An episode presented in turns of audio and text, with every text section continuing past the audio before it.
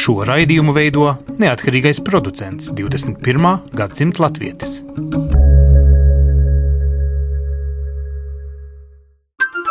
Lai kur mēs būtu, Lai kur mēs būtu, Lai kur mēs būtu, Lai kur mēs būtu, Tie esam mēs. tie esam mēs. mēs. Tie esam mēs. Mēs.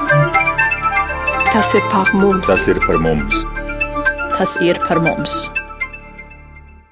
Nevis ko valsts var dot tev, bet ko tu vari dot valstī. Šis ir Amerikas prezidenta parfrazēts latviešu teiciens, ko Kenedijs saviem amerikāņiem teica pirms vairāk kā pusgadsimta. Vai latvieši tagad nodzīvojuši gadsimtu ar savu valsti vairāk sirdī nekā praktiski, um, varētu dāvināt savai valstī kādas īpašas emocijas. Es runāju par tiem latviešiem, kuri nedzīvo Latvijā, bet ikdienā iespējams jūtas varbūt pat vēl vairāk sasaistīti ar šo valsti emocionāli. Proti, tāds īpašs projekts simtsgades sakarā, kura stāstu sega, kas sastāv no daudz maziem, bet ļoti emocionāli uzlādētiem un noteikti arī krāšņiem stāstiņiem, ir uh, vesels ceļojumu kopums, kas izceļos mūsu valsti, varbūt vēlāk arī kaut kur citur pasaulē un vēstīs par mūsu emocijām. Lai kur mēs arī būtu, mums ir kāds stāsts un kāda attieksme pašiem pret savu valsti. Es esmu iecinājis studijā divas dāmas, kurām šis viss jāsaliek tagad kopā. Radīt stāstus, tas bija tas pirmais uzdevums daudziem no jums. Paldies arī atsaucāties tieši mūsu raidījumā reiz izsludinātā idejā, bet tagad tā ideja jau ir vienvieta. Janta Meža ir um, mākslinieks, kas visus šos stāstīņus mazos ir likusi kopā, bet Aija Abens ir nu, tā praktiski organizējusi. Aija, nu, tas bija tiešām milzīga ambīcija, vai jūs pat nojautāt, ka cilvēki tā atsauksies? No cik kontinentiem un cik cilvēki ir šajā lielajā stāstu segā, kas tagad ir sadiegta, iediegušies vai kā lai iauduši paši savus stāstus? Labdien! Jā, mēs faktiski bijām ļoti cerējuši uz 500 kvadrātiņiem. Mēs esam saņēmuši 1097. Ui, iezini, cik tur sanāk vispār kvadrātmetri jau kopā? Nu, tā, tas bija uzreiz tas lielais izaicinājums.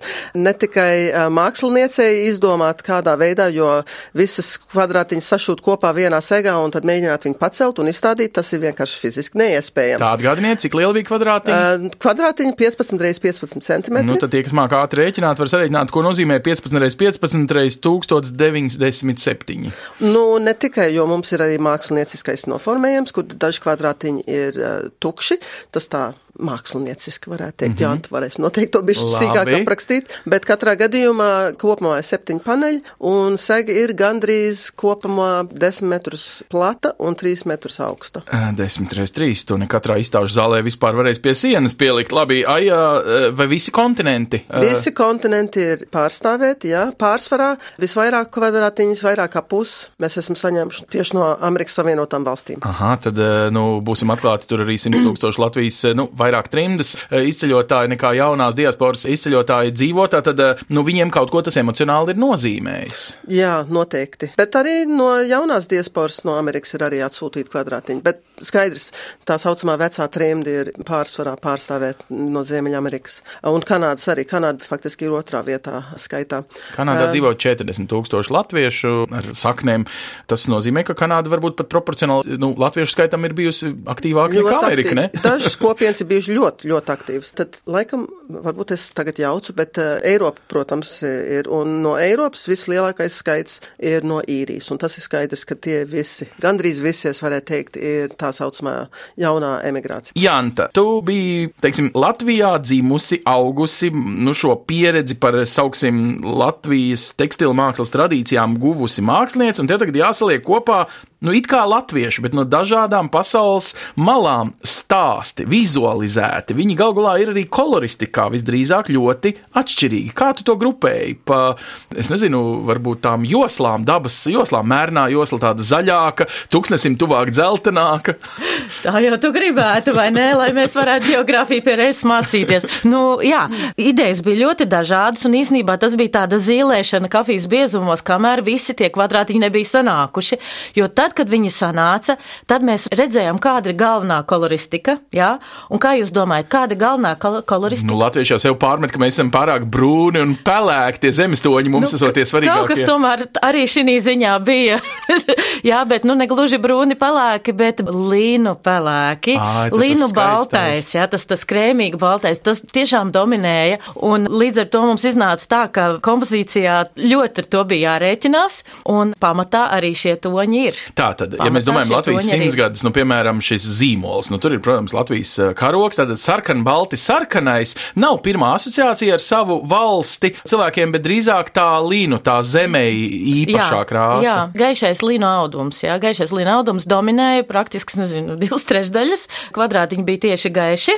Nu, un tad es arī kaut kā biju paredzējis, ka būs tas Latvijas sarkanais, tumšs, tumšs asins sarkanais. Mm. -hmm. Bet tad, kad mēs sākām likt, tad, protams, ka bija kvadrātiņi, kur bija ļoti intensīvi sarkani, bet tomēr viņi nebija tik daudz, cik mēs gribējām, jā, jo tā kompozīcija, kā tad viņi ir tapusi, jā, e, ņemot vērā, ka tie daudzi tie baltie un ir arī sarkanie, un tā kā sarkanais e, mums ir tas Latvijas karogs, sarkanais mums Latvijas simbols, protams, ka viņu nevarēja ielikt kaut kur mazā stūrītī apakšā, jā, viņai bija jābūt pašā centrā. Nu, un tad mums tā ideja beigās radās tāda, ka būs tas Latvijas sarkanais karogs, kas vīsies cauri visai kompozīcijai, tādā labā redzamā acu augstumā, nu jā, un tad tas bija tas galvenais motīvs, jā. Bet, nu, protams, tas šeit ir, karoga vējš, tu kā mēs par karoga kopskatu. vējš. Jā, tas ir pa visiem desmit metriem kopumā. Nu, un kad mēs pieejam klāt katram vienam šim 15 x 15 centimetrus Tad mēs platajam- redzam katra stāstu atsevišķi, mm. -hmm. bet tiklīdz mēs atkāpjamies nu, 10, 20 soļus atstatu no kompozīcijas un redzam no visām malām uzreiz kopā, tad mēs redzam pavisam citu koloristiku. Ja, un visi tie, tie krāsainie pēkšņi pazaudē savu individualitāti, viņi sajiet kopā vienā, vienā veselumā. Un Cik tikai tas karogu vējš pāri trīcu no visam. gribēšanas redzēt to, kur to varēs tuvākajā laikā redzēt. Tātad eh, ceļojums sāks ar A burtiņu alūksne, Latvijas ziemeļ austrumu daļa. Tātad pēc tam laikam eh, beigsies tas viss kaut kur pie Nīcas bārta. Nu, tas ir galīgi sakritība, ka tieši alūksnē, ka mēs izsludinājam, mums ir no simtgadu biroja, protams, ir saraksts visiem ā, pārstāvjiem katrā pilsētā, un es izsūtīju vairākam pilsētām, un man kā pirmajā atbildēja arī alūksne, kas man faktiski pie sirds ir arī tuvu, jo man tēva ģimene cēlusies no alūksnes, mm -hmm. tad man tur māsits dzīvo, tātad mm -hmm. būs jauki atkal satikties ar saviem radiem alūksnē. Cik lieliski. Un uh, jums ir vajadzīga kāda īpaša siena, lai tik uh, platu 10 reiz 3 metri. Nu, to nevar katrā vienā izstāžu zālē ielikt. Uh, kā jūs Tas... Izvēlaties tās vietas, vēl var paspēt pieteikties. Mm. Šī stāstu sēga jau ir tieši tāpēc, lai apceļot ar saviem stāstiem, Jā. nu, te jau vai visu Latviju, vai ne šī gada laikā. Tas ir tas plāns, kā saucamais, jā.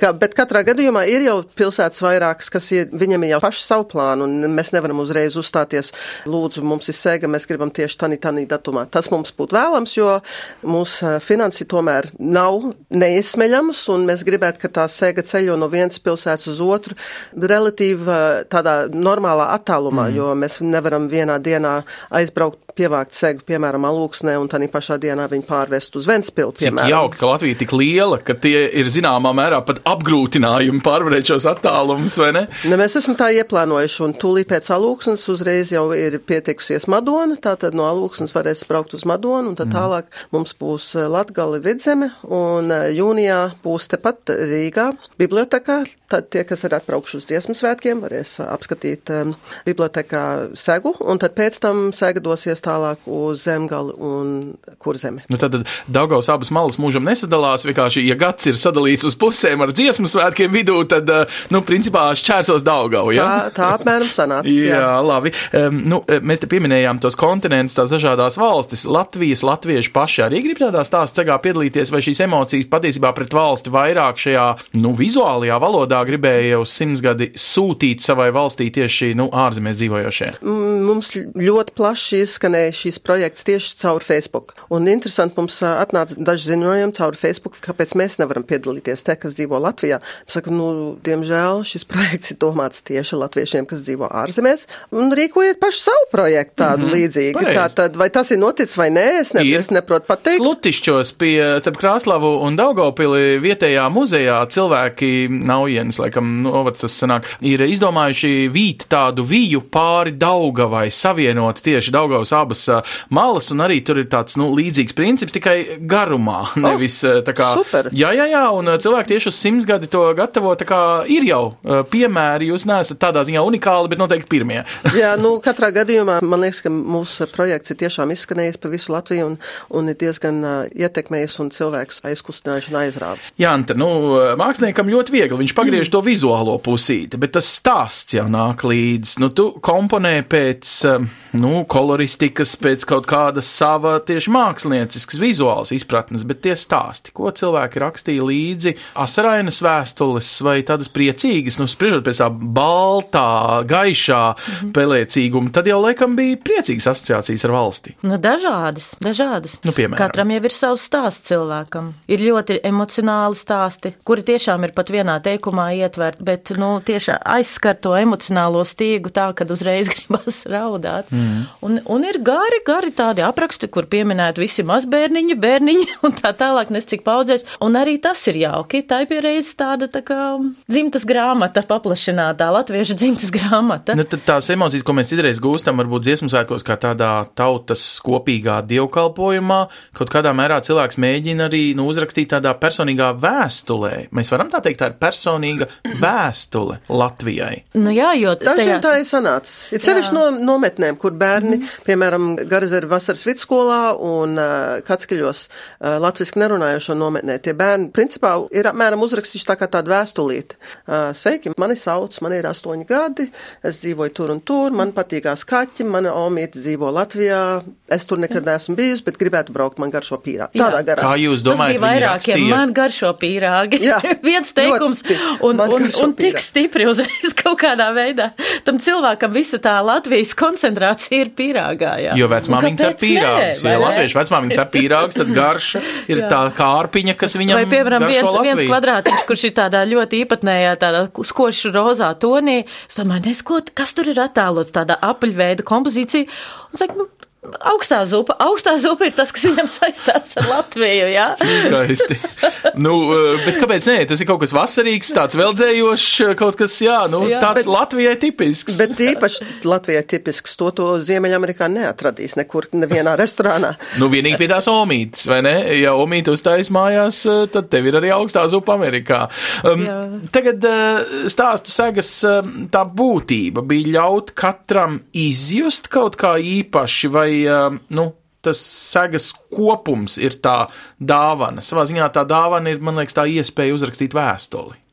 Man liekas, ka tā dāvana kā tāda, nu, nu fiziski ir, ir milzīga sēga palikusi, tā ir fiziska lieta, kas ir palikusi Latvijai un, un tas muzejs krājumā stāvēs, mēs ceram, ka viņi arī varēs paceļot pa pasauli, ne tikai pa Latviju. Bet tas ir nākotnē, bet es domāju, ka tas, ka latvieši varējuši piedalīties un izteikt savas jūtas un fiziski kaut ko atstāt Latvijai, kā individi, tas ir bijis ļoti būtisks šitas moments. Tas, bet tas vienmēr ir kopums tas kā jautājums, tās ir arī- jūtas. Uh, nu, un uh, ko tev dod tās jūtas, ja darbība no tā neseko? Vai tur uh, ir kaut kādi, es nezinu, darbības solījumi arī šajās vēstulēs? Nu, es uh, sēžu Rīgā, Latvijas mm. rādio un daudzi, kas arī dzīvo Rīgā, tiklīdz ir tēma diaspora, tēma, kad viņi brauks mājās.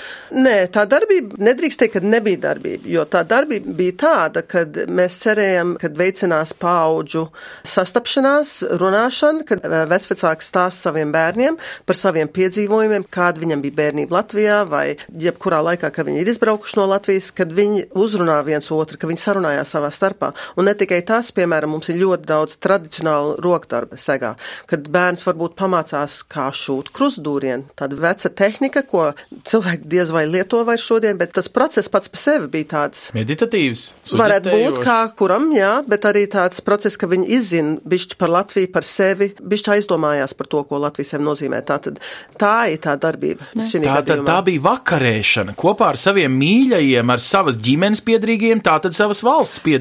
Jā, daudzi cilvēki tiešām rīkoja tādas meistarklases, piemēram, pie viena no draugiem savācās vairāki, un tad viņi runāja savā starpā, apmainījās idejām, kā uztaisīt, kā varbūt viens otram var palīdzēt un tikt līdz rezultātam. Bet tas, tas man šī ziņā tas suģistējošākais viss liekas tas, ka tie 15 reiz 15 centimetri kvadrātiņš, tas īstenībā ir maziņš. Tas ir Ļoti tā kā maziņš. divas plaukstiņas, Nu, nu, jā. jā. bet mm. ieliec to Latvijas koncentrātu tajā mazajā gabaliņā, jā, mm. -hmm. un arī tie teikumi, ko varēja pierakstīt, nemaz arī nebija daudz, cik tur tās zīmes bija, jā. 75 zīmes. Jā, un līdz ar to Twitters. tas tiešām ir ārkārtīgi svarīgi, ka tu padomā, ka tu iedziļinies tajā jautājumā un tad izvelc to koncentrātu un uzraksti. Jā? Tas mums vienmēr ir, man liekas, diezgan sarežģīti. Mēs varam runāt jā. stundām, jā. bet pasaki to vienā teikumā, jā? kodolīgi. kad O, jā. es tevi mīlu, jā? tas ir pateikts, jā?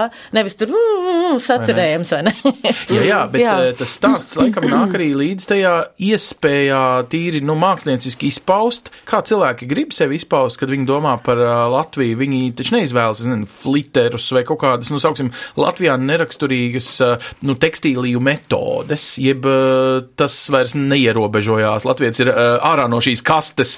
Viss kaut kas jau, protams, ir, bet, tā, ja mēs skatāmies pamatā, lins, vilna, jā, tie ir arī tie mūsu mīļie dabiskie materiāli, un tie arī atkal dominē segā. Jā. Un Latvijam vienmēr vajag to faktūru, vai ne? Nu, tādu, jā, un... ka var nopajāt, sajust tādu siltumiņu bišķiņu, ne? Nav Bet tā? tas arī vienkārši tas formāts, kā tāds ir jā. parocīgs šitam te. Formāts nav parocīgs kaut kādai trīsdimensionālai, kaut kādai skulptūrai. Tas mm. ir pats par sevi saprotams. Tātad cilvēkam bija bišķi tomēr jāpadomā, ja grib bišķi ārpus tradicionālajiem rāmjiem, var kaut ko, piemēram, Dainis, kas uzlīmēja zolīšu roku, perfekto zolīšu roku, zin, četras dāmas, četri kalpi. Mm. Nu labi, tur nav nekāda krustdūriena, nekāda vilna, bet vienkārši tas ir tas, kas viņam saistījās ar latvietību, un, un to viņš uzlīmēja uz savu, nu, savu kvadrātu. Varbūt nelieksimies daudzos latviešu centros, zolītas turnīrs ir veids, kā iesaistīt tos, kuriem nepatīk savukārt tautas dejas. Tieši ne? tā. Attiecīgi tas nemaz nav tik neizplatīts eh, pasākums. Jā, tātad mēs centamies jā, eh, izplatīt šo te, jā, to domu, ka tas mm. nav obligāti roka darbs, ko tikai sievietes drīkst šūt, to vajag, kad visi var piedalīties. Un kā tas mm. ir, vai šis nu, materiālu izvēle kaut kādā mērā arī sarežģīto darbību? Kā jūs vispār to visu varat tagad salikt kopā? Jā, jā, tas bija diezgan sarežģīti tādā ziņā, ka ja viens kvadrātiņš varēja būt no tāda bieza paša materiāla, kas pats par sevi labi turās, tad otrs bija varbūt tās pavisam smalks un plāns, nu tad vajadzēja tomēr viņus abus divus kaut kādā veidā dabūt līdzīgus, jā, un tad šiem te plānajiem mēs likām apakšā tādu stingrumu drēbi, un, un, un tur tā pamatīgs darbs īstenībā bija. Šoreiz dabūju bišķi pamocīties. Sapratu, kā jūs mocījāties? Es dzirdēju, ka jūs eh, pirms Ziemassvētkiem mocījāties veselu nedēļas nogali eh, Nacionālās bibliotekas foijē, un eh, tas bija, es varu iedomāties, ka tas bija pa skatu, ka tas viss bija uz grīdas. Tā nebija mocīšanās, tā nebija, galīgi nebija mocīšanās. Mums bija kārtīga tālka, mums bija sanākuši daudz darbinieki, līdzjutēji, un, un, un tad mēs vispirms izlikām tos kvadrātiņus tādā haosa mm. kārtībā, un pēc tam mēģinājām to kompozīciju veidot, un tad Nacionālā bibliotekā ir iespēja no otrā stāva balkona skatīties uz augšu no tālumā, un tad mēs redzam, nē, šito te to tur, kas ir tur trešā seks, piektā rindā, to pārliec uz pirmā seks. Tas bija atkal viens haoss, ka bija tik daudz palīdzētāju, tur jau tāda viedokļu kopums ir, tad tu biji tā izšķirošā pēdējā vārda turētāja. Ja? Es biju viena no pēdējā vārda turētājiem, otra pēdējā vārda turētāja bija tekstila māksliniece Inese Liepiņa. Aha. Mēs bijām divi bosi šī sakarībā. jā. jā. Un es apakšā cilvēks. A, tu biji tā bīdītāja, jā? jā, jā kur cilvēks apakšā. Jā, jāpasakās arī bibliotekai eh, skaļi un vairāk kārt viņi mums ir bijuši ļoti pretīm nākoši telpām, ka viņi varēja atvēlēt mums un pats sarīkot, uzlikt tos podes, lai mums nebija jāvārtās pa grīdu. Tātad liels paldies bibliotekai. Nu, būsim atklāti bibliotekā vasarā, kad arī tur tiks izstādīts tās, mm. nu, biblioteka jau ir mūsu gaismas pils un varētu teikt, ja Milda mums ir pirmās valsts neatkarības republikas nu, brīvības simbols, tad iespējams biblioteka ir šīs Varētu brīvības simbols un stāvēs tur mūžam. Stāstu cegai ir arī īpaša tāda vieta, kur dzīvot. Kā ir, tas ir svarīgāk šeit Latvijā šos stāstus, tā teikt, pielikt pie sienas tieši tādā simboliskā vietā un ziņot par tām sajūtām, nu šeit Latvijā dzīvojušiem latviešiem. Tas ir arī tāds tilts starp nācijas vairākām daļām dažādos kontinentos. Man liekas, ka jā, faktiski sakot, jo diemžēl padomju sekas ir ilgstošas, un vēl joprojām ļoti daudz Latvijas sabiedrība nesaprot, ko tas nozīmē būt trimdā, un rūpējās un tās raizes par tiem, kas tagad ir emigrējuši, nesenie emigranti. Un ļoti daudz bieži nesaprot, ko tas nozīmē dzīvot prom no savas tēvzemes, no savas dzimtenes. Bet arī ne tikai tas, tās paudzes. Nesenai emigrācijai tā vēl nav tik aktuāla lieta, bet sāk jau parādīties, bet tā otrā un trešā paudze, kas ir piedalījusies šī segā no vecās trimdas saucamās, kas izsaka dziļas jūtas pret Latviju un ka latvieši šeit īsto nenovērtē. Un šitā būs vienreizēja iespēja viņiem arī saprast, varbūt viņi pukosies par latviešu gramatiku, zina, ka mm. latviski nav uzrakstīts kaut kas pareizi vai ka vispār nav latviski uzrakstīts, jo mums vairāk stāsti ir atnākuši angļu valodā un uh, portugāliski, piemēram, no Brazīlijas, bet, uh, bet tas, ka vai tas ir tas noteicošais, jo cilvēks jau pats var sev izvēlēties savu identitāti un viņi sev kā, identificē kā mēs esam latvieši, un tas mums ir svarīgākais. Ja tas ir kalpojis kā tilts starp vairākiem kontinentiem, Sibīrijas latvieši ir piedalījušies? Mums viens kvadrātiņš atnāca no Krievijas. Aha, kā Vienīgais. tā, nebija tik populāri. Mēs Vakarēšana, cik es zinu, Sibīrijas ciemos ir diezgan populāra. Nu, iespējams, ka informācija nav aizgājusi uz to pusi pietiekoši. Nu, mēs, jā. esam, mēs aizsūtījām jā. visām vēstniecībām informāciju par to, un eh, lapai jau ir diezgan labi kontakti ar Sibīrijas latviešiem, un viņiem nosūtīja gan informāciju, bet tas ir labs jautājums. Jā, no AI saka lapas, te ir jāpiemina uzreiz Latviešu pasaulē ir muzejs un pētniecības centrs, kurš ir, nu, inicijējis šo projektu un savā ziņā gan turpina, nu, arhivēt un, un vispār ierakstīt šīs liecības par, nu jā, latviešiem, kuri vairs varbūt nerunā latviešu, bet visās pasaules malās, ieskaitot mm -hmm. Dienvidu Ameriku, kurš ir tāds, varētu teikt, jaunatklājams kontinents latviešiem pašiem vēlreiz par sevi. Stāstu sega, jūs teicāt, ceļos arī ārpus Latvijas ar laiku, nu, laikam tad pēc simtsgadus svinībām uz latviešu centriem, vai atkal jau. Tas ir ļoti atkarīgs no finansējuma. Jo Tā mums tās kabatas nav dziļas, viņas ir diezgan cieši aizšūtas, un ja mums ir atbalsts no diasporas, no trimdas, kā vēlās saukt, tad jā, mēs domājam, tas būtu fantastiski, tā sega varētu paceļot, bet Austrālija ir tālu, un tā Nu, sega jā. nav, viņa ir smaga. Diezgan, nu, protams, kad saliek to visu kopā, tad Ar tie visiem rāmjiem, vai ne? Un tā tur kopumā iznāk kārtīgs puskrava. Ar laiku viņi varētu arī dalīt vairākās daļās, jums nešķiet, lai izstādītu, nu, daudzās vietās, nu, lai tie stāsti tā kā nedrīkst, jā? Ja? Mākslinieci ir skeptiski, vai Es nu esmu- kopā, vai Es esmu nekā. skeptiski tādā ziņā, nu, iedomājies, ja tu būtu viens no tiem kvadrātiņa autoriem, Jā. un tu zinātu, ka tā saga, kas ir atnākusi, nav tā, kur ir tavs kvadrātiņš, jo Uh-oh. cilvēkiem ir tās divējādās jūtas. Viens ir tas redzēt to kopumu, to, to kopības sajūtu, jā, un izlasīt citu stāstu, bet arī jauki redzēt, kurā segā ir tas mans kvadrātiņš. Klausieties, es nezinu, es esmu redzējis Japāņu turists, kas pie Monas Līzes eh, Luvrā stāv kādu pusstundu. Es nezinu, ko viņi tur atrod. Viņi tā kā pie tādas svētbildes.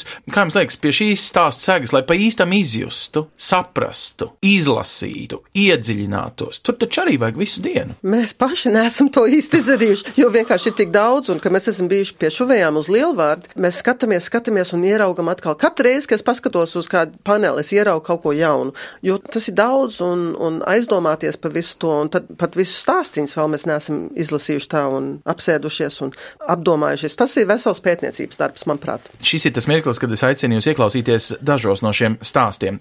Cilvēki paši stāsta par to, ko reiz rakstījuši Latvijai.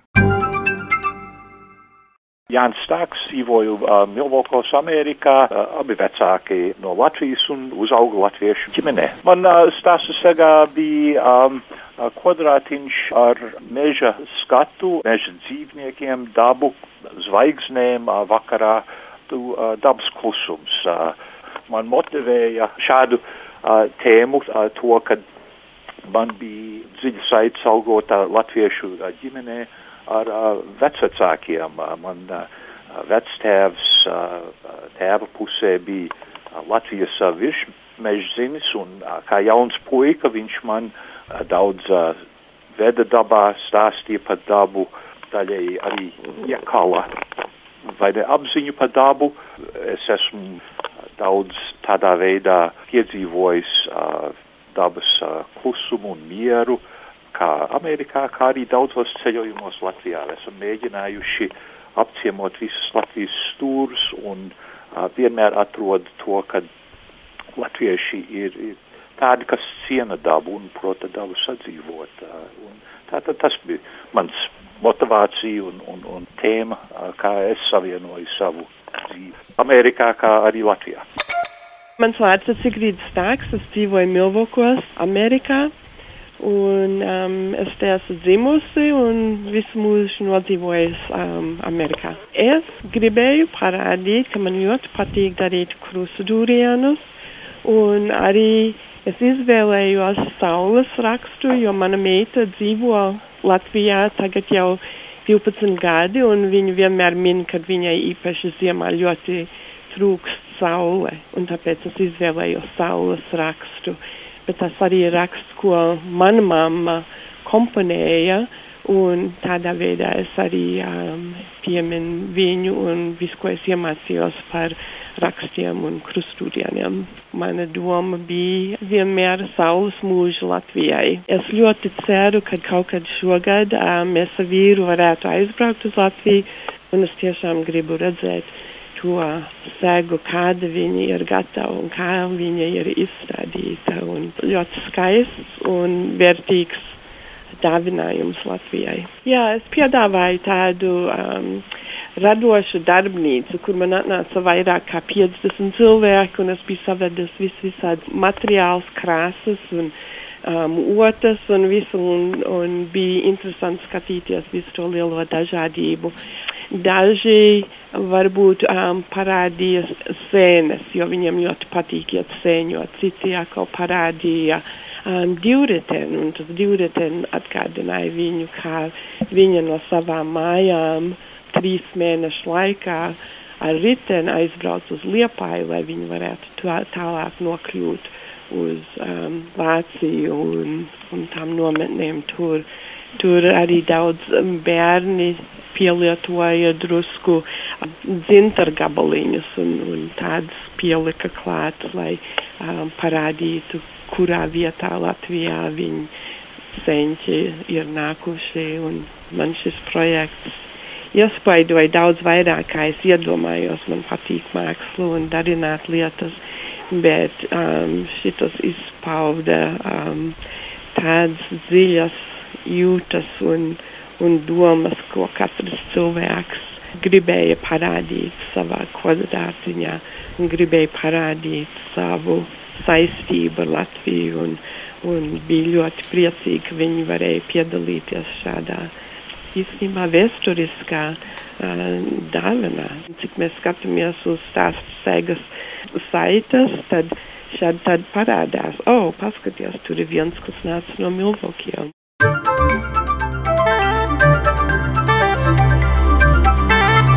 Tie esam mēs. Kā tīri praktiski varēs izlasīt šo stāstu, jo pie sienas jau stāstu sega, bet stāsts jau nāk līdzi, vai tur eh, pie tās segas tad ir grāmata, kur es uzšķiru 328 kvadrātiņu un izlasu 328 lapas puses stāstu? Nē, lai gan mēs ļoti gribētu kādreiz izdot tādu albumu. Tas šobrīd nav vienkārši iespējams laika dēļ un arī finansējuma dēļ, bet būs multimēdija prezentācija. Mūsu skārienu jūtīgi ekrānu varēs pieskarties. Zināmā, es neesmu tas mm -hmm. datoru eksperts, es, kā tas izstrādā, bet ko mēs paši esam piedzīvojuši, pieskaroties eh, skārienu jūtīgam ekrānam, uzreiz parādīsies kvadrātiņš ar stāstu. Tā tad varēs arī ierakstīt vārdu meklētājā un sameklēt atsevišķu personu vai vietu. To mūsu fantastiskie datoriķi pašlaik cilvēki mēģina izprast. Tātad kā... būtībā ir divas stāstu segas. Ir digitālā Jā. un ir uh, reālā. Tā tieši sanāk. Jo mēs no sākuma, kā es minēju, mēs bijām sagaidījuši varbūt 500 kvadrātiņu. Un tagad mums ir gandrīz tūkstots. Tātad viņiem tas darbs arī uzreiz ir dubultojies. Ai, bet daži cilvēki tikai tagad pamostās simtsgadēji. Vai viņi var vēl piedalīties, ja tas ir noslēgts process? Diemžēl jāsaka, ka ir piedalīšanās vairs nav iespējama, jo sega ir uzšūta. Man liekas, ka uh, Hamiltons Latviešu Kanādā, piemēram, pašs savu segu, izveidoja stāstu segu. Īrijas latvieši mūsu tādā arī izveidoja savu stāstu segu. Tātad tas nav izslēgts, ka cilvēki nedrīkst nu, taisīt protams. stāstu segu. Jā. Diemžēl viņi nevar piedalīties vairs mūsējā. Ne, nu, sienas jau Latvijā ir vairākas, un arī ārpus Latvijas eh, cilvēki patiešām šo ideju vai aizgūt, jo tā ir suģestējoša un tāda īpaša, kā tev liekas, Janta, cilvēkiem bija prieks to darīt, asaras. Es tev prasīju par tām emocijām, vai tām